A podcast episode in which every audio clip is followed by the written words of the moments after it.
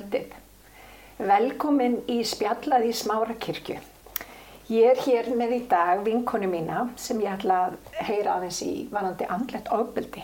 En það er Linda Balfusdóttir og hún er lífsmarkþjálfi, hún er samskiptarágjafi, hún er einnig pislahöfundur á Smartlandi. Margir hafa lesið pislanennar sem eru mjög vinsælir.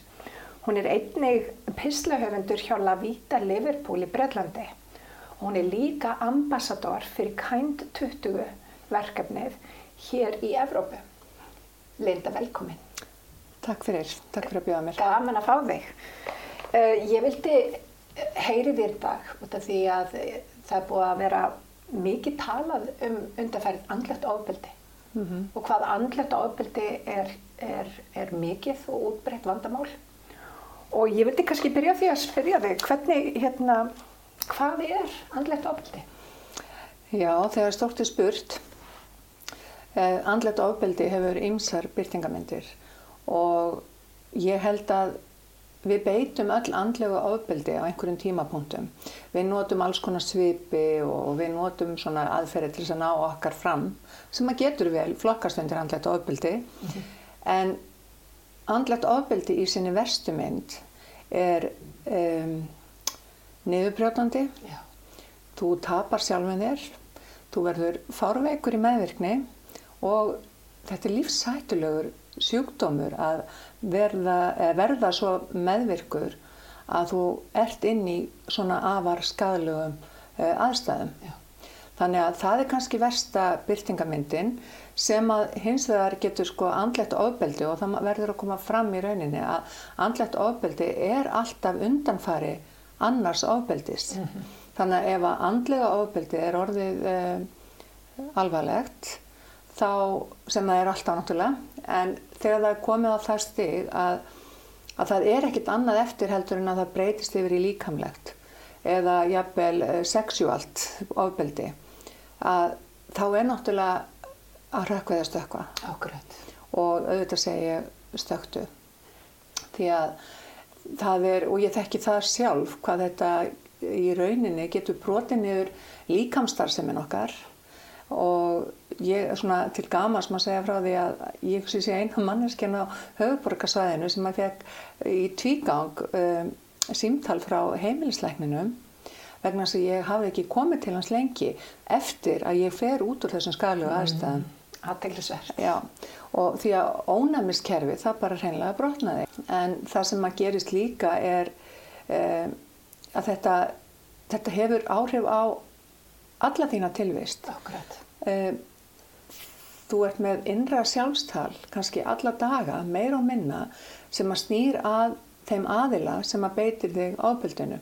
Og nú erum við að tala um alvarlegt ofbeldi. Einmitt. Og þú ert kannski þannig að þú ert í vinnu, þar líður þig kannski best. Svo kemur þið heim og lungaður og þú kemur heim, þá ferður það að hugsa, skildi verið allt í lagi? Hvernig skapi skildi við komandi verið í? Uh, verður í lægi núna eða verður ekki í lægi? Og svo stjórnast þín líðan út frá því hvernig aðkoman er þegar þú kemur heim. Aðtæklusvört. Já, og, og þetta er kannski það sem að flestir þekkja sem að búa við um, mjög skökk samskipti eða andlet ofbeldi. Það er þetta að, að þurfa að svona ganga og passa sig að brjóta ekki að skurnina. Vita aldrei hverjum að búast við, vita það að um, til dæmis ef þú ætlar að hafa gaman að þá er mjög líklegt að þessi aðili muni eðalegja það fyrir þér. Hann mun líka eðalegja fyrir þér vináttuböndin þín, hann mun eðalegja fyrir þér fjölskylduböndin þín, hann mun jafnvel skaffa þér peninga eftir sínu eigin höfði, uh, hann mun gera, uh, hvað ég segja, þar sem þið langar til þess að framkvæma á annað. Hann mun með einhverjum hætti koma því þannig að að þú gerir það ekki. Já. Af því að það er auðveldar að sleppa því heldur en að berjast fyrir því. Skilja. Og í svona sambandi, til þess að við förum inn í náinn samskipti, þá, þá er það þannig að, að þið eru í sitt hverju liðinu. Þið eru ekki í almennilegu, heilbrigðu, góðu sambandi. Þetta er, þetta er svona tug of war, þetta er svona stríðsástand. Viðkomandi allavega sem er hérna, að beita ofbeldi er allavega að móti, hann er ekki með þér í liði í rauninni. Nei og, og í rauninni það sem gerist er náttúrulega auðvitað verður þú ekki heldur með í liði vegna þess að eh, þegar, að, þegar þú býr við þessar aðstæður þá krefjast þær þess að þú ferð að fela þig svolítið. Þú mátt Þú- ekki taka pláss. Nei og þú, og þú ekki bara það heldur, þú ferð að reyna aðeins að svona passa þig á því hvað þú segir, hvernig þú, hvað þú gerir og ef þú gerir eitthvað, vera ekkert endilega að segja frá því af því að það er auðveldara. Það er semst auðveldara að ljúa heldur en að segja satt. Og þetta er, þetta er varnarmekanismin okkar sem fer í gang og það er eh, að vera inn í svona skökkum samskiptum er, já, eins og ég sagði það áðan, það, jafnvel lífsættulegt ástand. Einmitt. Uh, segðu mér, kona eins og þú, nú ert þú sterk uh, sjálfstæð kona.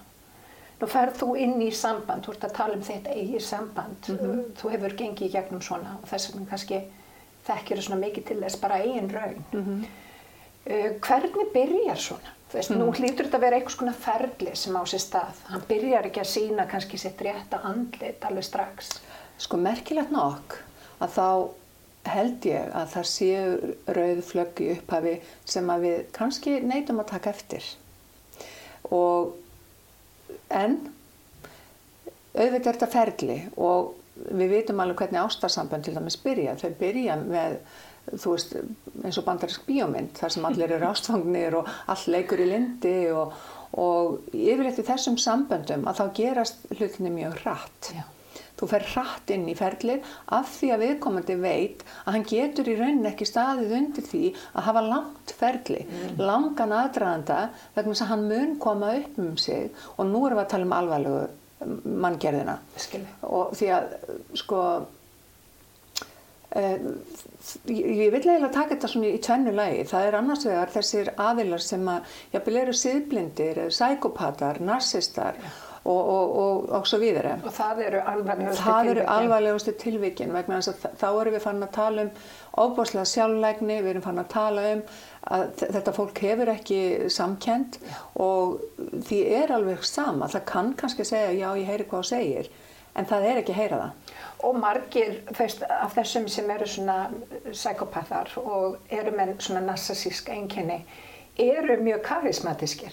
Fólk grunar þetta ekki þegar það hittir viðkomandin kannski bara út í búð eða við ykkur aðrar aðstæður. Nei, nei, þetta er yfirleitt, sko, þetta er yfirleitt fluga ávæðar einstaklingar Einmitt. og þetta eru, eins og þú segir, mjög sjarmerandi einstaklingar og þeir, eh, þeir lúkka alltaf vel út í frá og sá sem að býr svo með þessum einstaklingum, þeim finnst alltaf eins og þeir verði einhvern veginn undir. Já. Þannig að það mun enginn heyra þá, Og enginn trúa þeim enginn trúa þeim. Þannig að, að já, það eru alvarlegu uh, personu gerðirnar. Hins vegar er mjög algengt að fólk eigi í skökkum samskiptum bara út af samskiptaminstrum sem það læra bara í æsku og, og annað og taka með sér út í lífið og svo kemur annar aðeil á móti sem er kannski með önnu samskiptaminstur og, og svo fara þessi samskiptaminstur kannski ekki alveg saman og það er einmitt uh, Gottmann uh, stofnunin talar um þessa fjóra hestamenn sem að í rauninni eru banabiti hvers sambands ef að það er ekki tekið á þeim. Og- Hestamenn, segir þau. Já, hestamenn Gottmanns, þetta eru svona hestamenn endalokana Já, ég skil. og, og það eru ákveðin enginni og ég skrifaði þetta einmitt í pisli á Smartlandinu Já.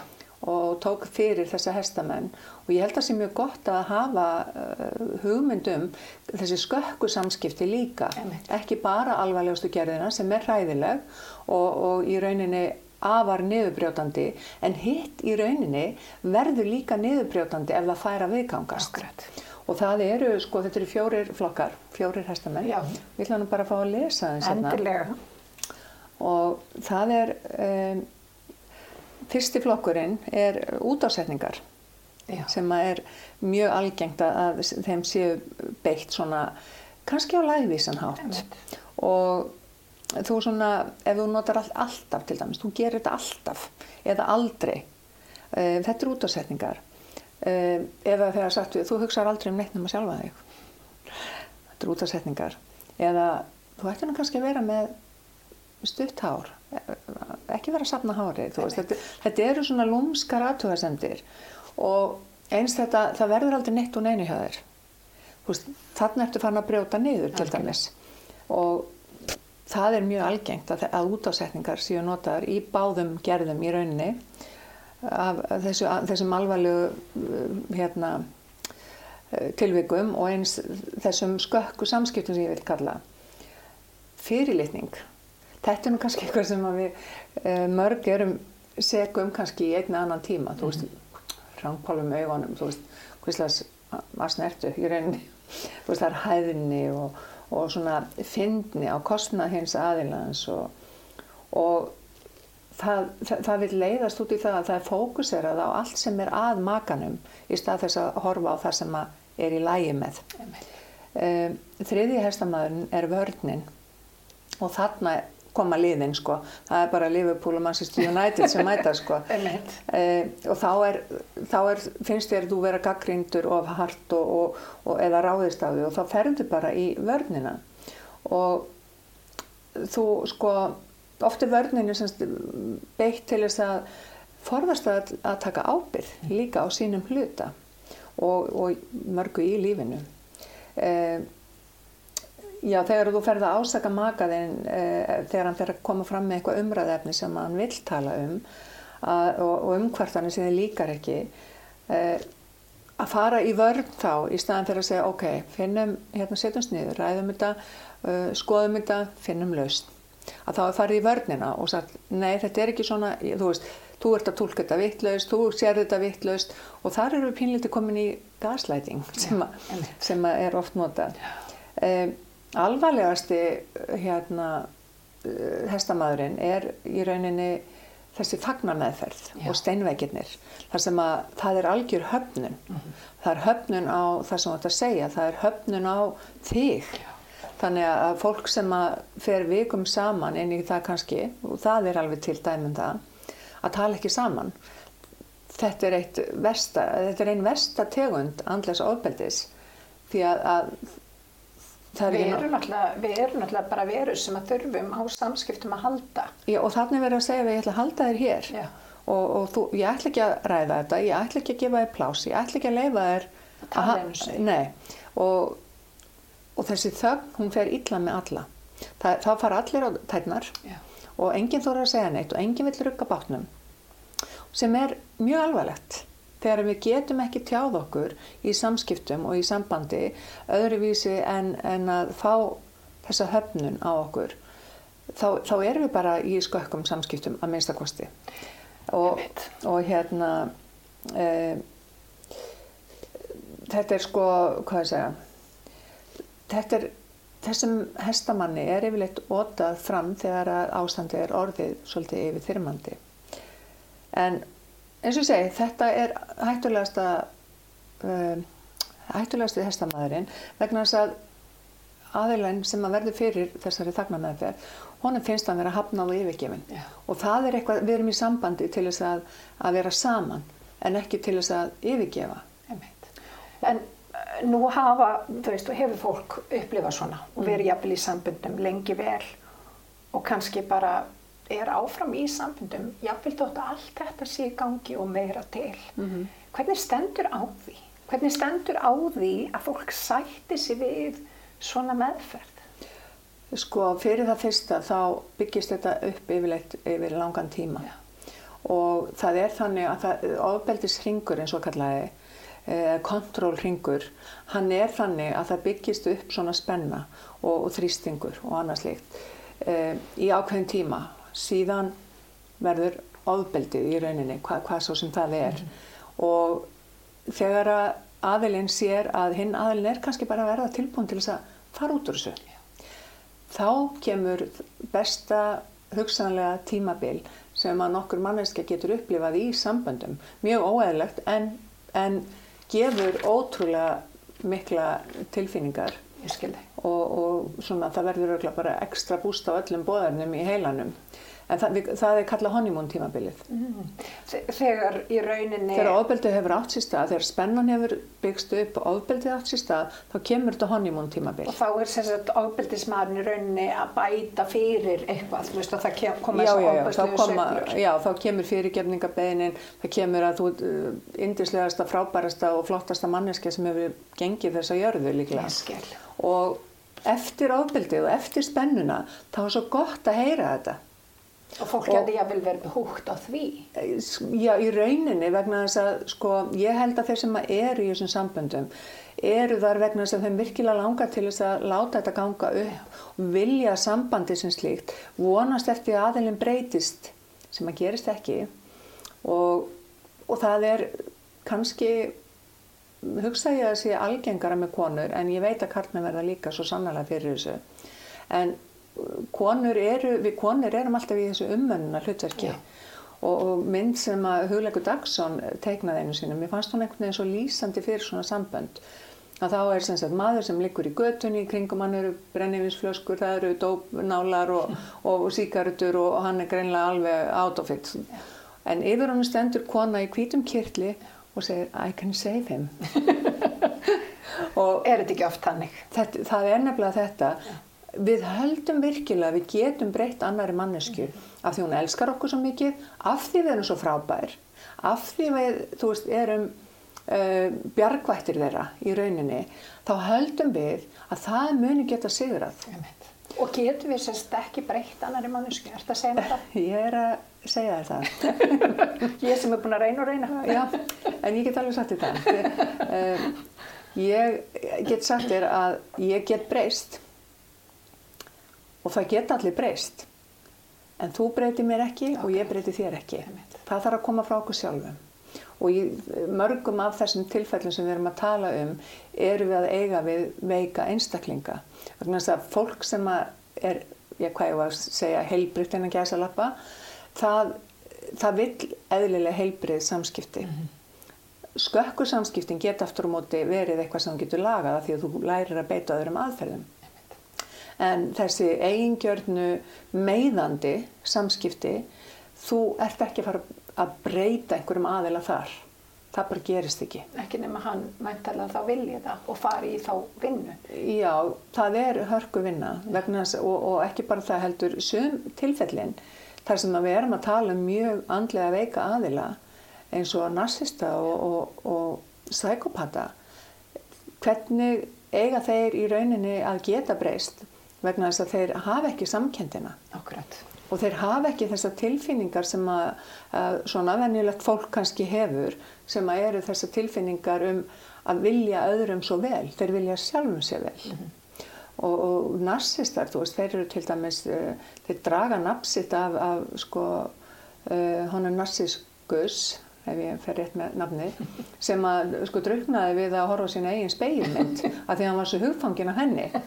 Og það er, þannig að það lýsir svolítið Já, lýsir. Já, þannig að e, við erum ekkert endilega að breyta því. Nei. Því þá erum við að tala um að þá snýst allt um tilveru þeirra. Ég heyrði um konu sem var bara orðin veik, hún var bara orðin líkamlega og andlega veik af því að við hafa verið í svona aðstæðum.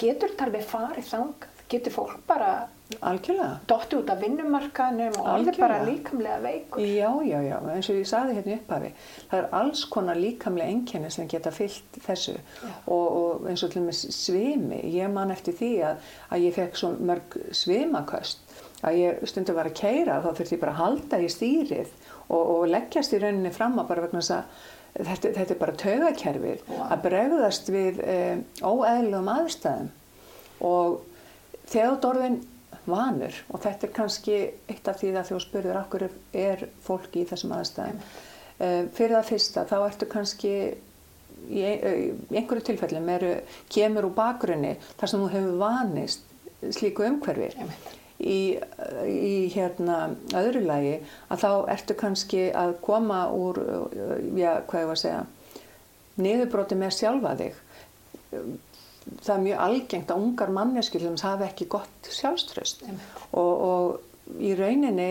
fara ung eh, og ungar inn í hérna, sambönd og er að byggja upp sjálfsmyndina sína þar. Og ef þú lendir á þannig aðeila þar þá týnur og glatar sjálfriðir á, á, eða sjálfum þér Akkurat. á leiðinni. Þannig að það, þú veist það eru margar margi vinklar á þessu.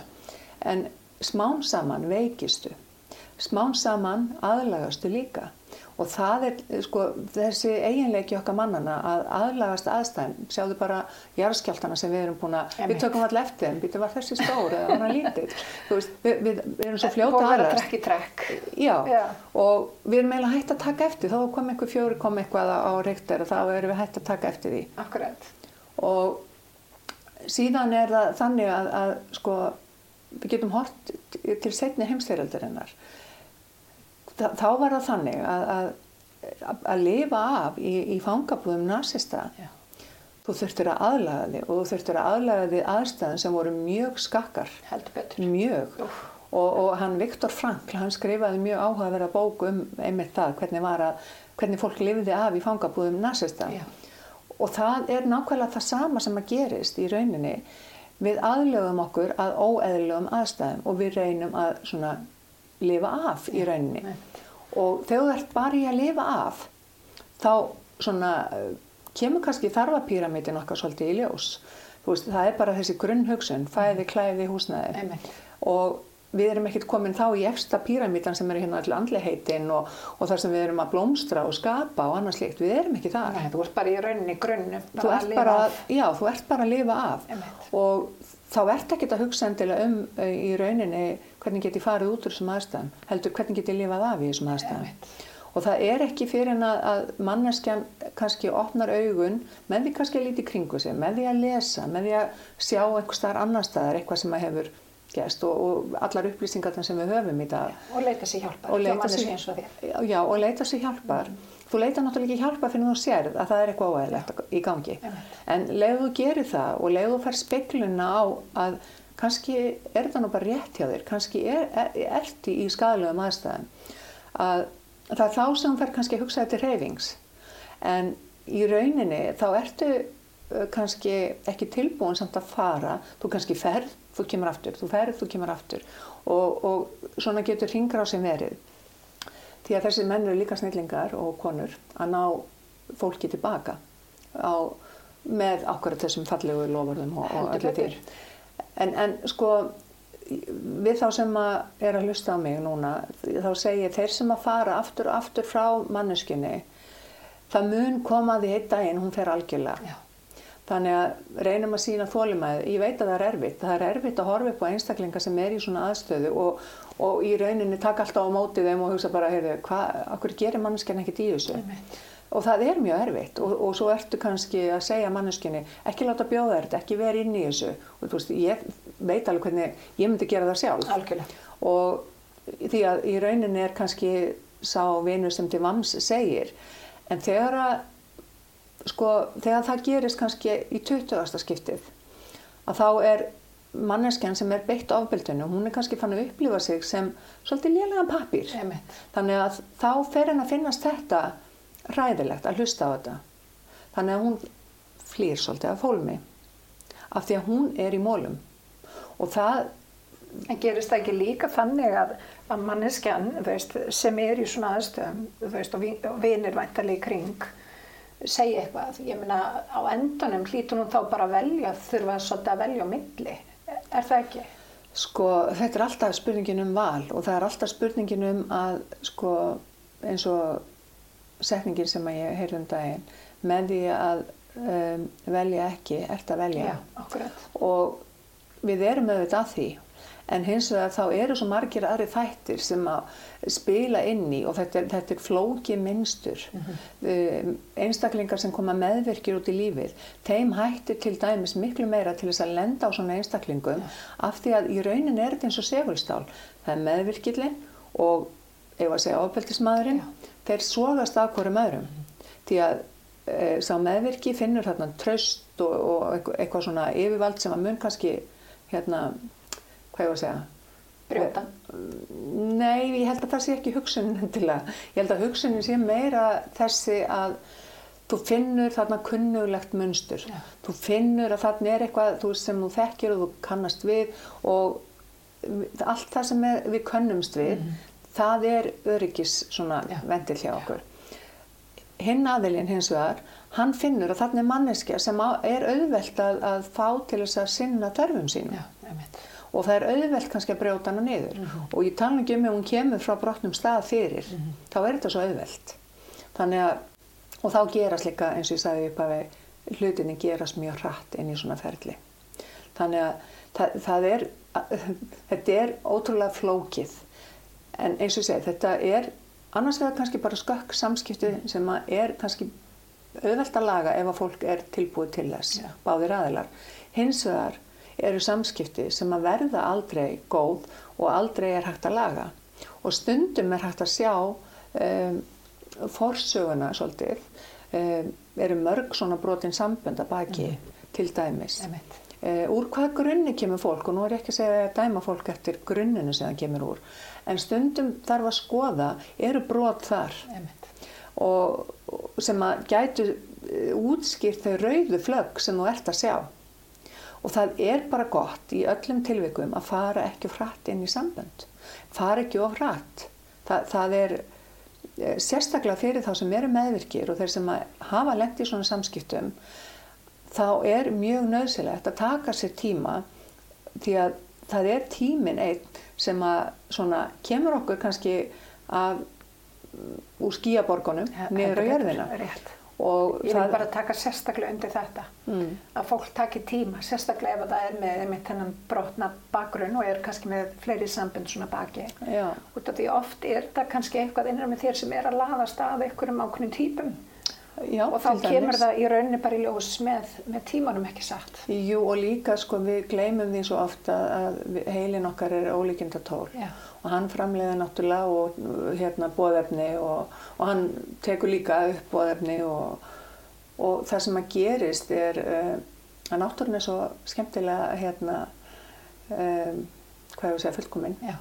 Að í upphafi sambanda og þetta er örgulega hugsað út frá því að, að við þurfum að fjölga okkur og það þurfa allir að hafa jafna möguleika að því að geta fjölgað sér. Einmitt. Þannig að það sem gerist hjá okkur þegar við verðum ástfangin er að það bara verða fullt af bóðefnum til sem er bara eins og bara, ég, ég veit ekki, ég hef ekki prófað eitulif en, en þú veist, ég, svona, Einmitt. ég veit það á skýringu allavega að, að þetta geti orðið bara ótrúlega víma og, og, og það þekki allir sem hafa orðið ástfangni. Já. Þetta er víma. Já. En víman, hún endist nefnilega ekki, um, já, hún getur ennst alveg í 1-3 ár, cirka bát, en hún mingar Já. Og breytist. og, og breytist. Þannig að þegar þú ert búin að fá kannski sem ár til þess að kynnast mannesku, þá ertu svolítið fann að sjá tendensana í henni. Og þá ertu líka fann að sjá, ræð ég við þessa tendensa, eða er ég bara komin hérna á fullt inn í eitthvað sem ég veit að er óheilbrygt og ætla ég bara að vera þar. Þannig að tíminn er málið. Já. Meiri sé þó við séum orðin fullorðin og, og kannski tíminn hefur mingar sem við höfum og eigum eftir. Rétt. Það borgar sig að fara hægt í sækirnar. Og þú tala líka um það hérna áðan að við í rauninni getum ekki valið fyrir fólk sem er í svona aðstæðum. Það á einhverjum tímapunkti þarf fólk að finna þennan innri styrk. Já. Hvað getur hjálpa til fyrir fólk að finna þennan innri styrk til að taka þessa ákvörðuna að ganga úr sambandi? Veist, Sko- láta ekki meiða sig með þessum hætti. Eins og ég sagði áðan að það er kannski að sína fólki viðurkenningun á því að þú sjáir, Já. þú heyrir. Eh, Það sé ekki allt í lægi að þessi komið svona hins veginn fram við það. En í rauninni er það að eina sem þú getur gert og sagt ég er til staðar. Já. og þegar að málið er orðið mjög alvarlegt að segja þá eh, ef þú treystir ekki til að vera inn í þessum aðstæðum því að það geta orðið það skelvilegar og þú treystir ekki til þess að vera inn í samskiptum við fólk sem er að standa í þessu við verðum líka aðeins að hugsa um það því það er þú getur, þú getur sjálfur leiðst inn í að- Óheilbrigt munstur. munstur þannig að, að vera og segja þegar þú vilt fara bataleðina mm alveg eins og með bara alkoholisman. Já. ef þú vilt fara bataleðina þá er ég hérna en ég, því meður ég treysti mér ekki til að vera inn í samskiptunum eins og þau eru Rétt. eitthvað slíkt Já. en auðvitað verður fólk að finna það hjá sjálfu sér hvað það vil gera uh, við förum oft í þennan gýra að vilja vera allt og mikið til staðar og það er auðvitað val hvers og eins Og það er kannski líka ekki endilega sniðugt. Fólk þarf að... Nei, í rauninni, sko, aðeins við sé að leggja einhvern dóm á það vegna þess að það er bara misjætt hvernig við erum og hvernig við funkurum. En ég held að það sé með þetta eins og með allt annað að í rauninni þá þurfum við sjálf að uppgöta, við þurfum sjálf að vilja og við þurfum sjálf að, sko, bara eins og Kristur sagði, viltu verða heil. Akkurat. Það er fyrst þá sem þú getur orðið heil mm -hmm. þegar þú vilt Velur, að þegar þú velur það. Og, og, og tekur skrefin í átt að batanum. Og við erum heppin hérna á Íslandi til dæmis. Það er fullt af úrræðum fyrir konur og menn í, í þessum aðstæðum. Eh, meira þó fyrir konur því miður. En það eru úrræði. Og ég held að, að bara það að tala við ráðgjafa og spurja er þetta eðlilegt í mínu sambandi? Eða er eðlilegt að fólk tali svona til mín? Er eðlilegt ég fá ekki að tjá mig? Er eðlilegt að, að viðhorfum mín og, og allt sé skotið niður og ég fá ekki að hafa aðra skoðanir eða kjósa annan flokkaldur en maðurinn minn eða kona mín eða þú veist, er eðlilegt að, að ég siti uppi með eh, börnin öll kvöld og makin getur gert hvað sem er eða hva- hvernig sem þetta er? Akkurat. Ég held að við þurfum að, að hérna um, eins og í þessu, þú veist, það þarf alltaf að finna hvað um, hvað er eðlilegt og hvað ekki. Akkurat. Við talum ekki um ef þú kemur úr aðstæðan þar sem þú veist kannski ekki endilega hvað er eðlilegt. Þú ert kannski alveg við skökk samskipti, þannig að hvernig áttu að vita hvað er eðlilegt. Jú, þú sér einhverja bíómyndir og þú sér fólk og svona þú fer kannski að fá hugmyndir, já, svona er þetta kannski þetta er heilbreytt, en þú þekkir ekki leiðina þangað Nei. Og það er þá sem þú þarfst að fá aðstóðina og hjálpina til þess að finna hvernig næ ég á þennan stað sem ég vil fara á. Þannig að líka kannski mikilvægt hvernig vini þú átt og, og, og hvaða samskipti þú átt við annað fólk og að velja sig kannski vini og Algjörlega, ég held að, að sama hvort það eru vinir eða, Eða maki. maki, þess vegna vinnustæður og, og, og hérna vinnufélagar ef þið líður ekki vel í vinnuumhverfinu þínu og þú finnur það ekki velkomin þar ef þú finnur að það mæti þig viðmót sem að þið líður ítla í og þú kvíður fyrir að fara í vinnuna hverjum degi hættu, það er engin vinna svo merkileg að, að þú, þú láti bjóða þér þetta. Þess að þetta er alltaf algengt þetta er alltaf algengt í þjóðfélaginu okkar og, og líklega öllum þjóðfélagum það er þetta, þetta einelti sem ásist á vinnustöðum. Það er ekkert annað en andlegt ofbeldi. Nei, er mikið rétt. og þetta, orð einelti það er veikar orð heldur en andlegt ofbeldi. Því að ef það væri sagt við þú, þú ert að beita andlegu ofbeldi Já. í staðan fyrir einelti það er miklu sterkara og, og, og heggur meira að þér í rauninni. Já.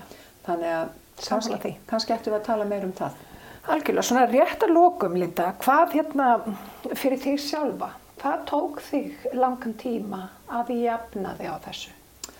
Þegar þú Sko- steigst út úr sambandinu, nú er orðin mörg ár síðan og þú hefur náttúrulega sér eftir því að hjálpa fólki mitt í þessum, þú veist, að, að fóta sig og elda draumana sína og þú lítur á að þurft að fara í einhverja vinnu eftir þetta. Já, já, já, já. Ég, sko, í rauninni allt sem ég hef lært og allt sem ég er að hjálpa öðrum með var gert fyrir mig. Einmitt. Þannig að ég var ekki að læra til þess að hjálpa fólki, ég var að læra til þess að hjálpa mér. Magnað. sem að var svo til þess að ég get hjálpa fólki. En ég þurfti að taka stafi meðvirknina mína svo sannlega. Ég kem mjög meðvirk út í lífið og, og kem kannski úr skökkum samskiptum þar. Einmitt. Og hafði við mig sem voru kannski ekki alveg, uh, ekki alveg eins og ég hefði viljað hafa þau. Uh, Yndislegt fólk sem ég er alin upp hjá og, og ég átti yndislega römmur og, og allt þetta. En ég kem meðvirk. Ég kem þannig að ég er að, svona, hvað ég var að segja, geðjast fólki, halda friðinn, uh, tegja mig eins langt og ég gat og annað slíkt og halda öllu í lægi. Þannig að það er, það er umhverju sem ég kem úr og ég þurfti að takast á við þetta og ég kannski enn að takast á við þetta. Þú veist, eh, ég get alveg verið stjórnsam ennþá en ég er ekki neitt með að við hvað ég var. Nei. en, en að vera meðvirkur er það er öll æfin sem fer í það Já, að, að, því að við getum dotti niður en hins vegar ef við erum búin að læra að takast á við þetta þá, þá dveljum við ekki þar Og er ekki líka einmitt svolítið eh, eins og þú talar um að vera meðvitaður um það og sjá það þegar þú ert að fara inn í einhver skökk samskipti. Þess, það getur náttúrulega líka verið bara ákveðin svona lausni því að, að, að stoppa sig af og, og, og þá stíga beint út ef að Já, einfaraður. sko um leið og veist hvaða meðvirkni minnstur eru ríkjandi í þínu lífi. Því að það, það geta, geta verið mismunandi. Og bara það eitt lítið dæmi er kannski þegar þú felur tilfinningarna þínar og þú segir ekki hvernig þið líður. Bara um leið og þú veist að það, að það er eitthvað sem þú gerir þá getur þú farið að hugsa býta ok þannig að nú þarf ég kannski að fara að segja hvernig mér líður. Ég þarf kannski að fara að ávarpa tilfinningarna mínar. Bara þetta litla dæmi og nú erum við að tala um sko af heilum lista er þetta eitt dæmi. En þetta litla dæmi getur breytt ótrúlega mörgu Einmitt. á þinni vegferð bara að segja hvernig þið líður Akkurat. og þekkja hvaða tilfinninga þú hefur Merkilegt. og, og nú erum við bara að tala um pínlítið brot Já, nákvæmlega. Þetta er mjög áhugavert og ég mun pottið fá þið aftur til að ræða svona ítalega um, um þessi mál og fleiri. Mhm. En ef að fólk vill, er í þessari stöðu og vill, vill taka skref í átt að heilbriði, Mhm. hvar getur það nálgast þig? Það getur nálgast mig með því að senda mig post á linda.manngildi.is til dæmis. Já. Ringti í síma 847 8150. Nú svo er ég á Facebook og það er alltaf hægt að senda þær bara. Allir á Facebook. Allir á Facebook, þannig að það er bara að finna mig þar. Algjörlega. Ekkert mál. Bara frábært. Takk fyrir að koma til okkar í spjallaði smárakirkju og, og við sjáumst mjög fljóðlega aftur. Já, og ég takka fyrir mig og ég hvet alla sem að kannast við eitthvað af því sem ég talaði um. Skoðið það. Svona verið hreinskilin við ykkur sjálf og gerið eitthvað í málunum. Just do it, eins og næg segir. Takk fyrir. Verið þið sæl.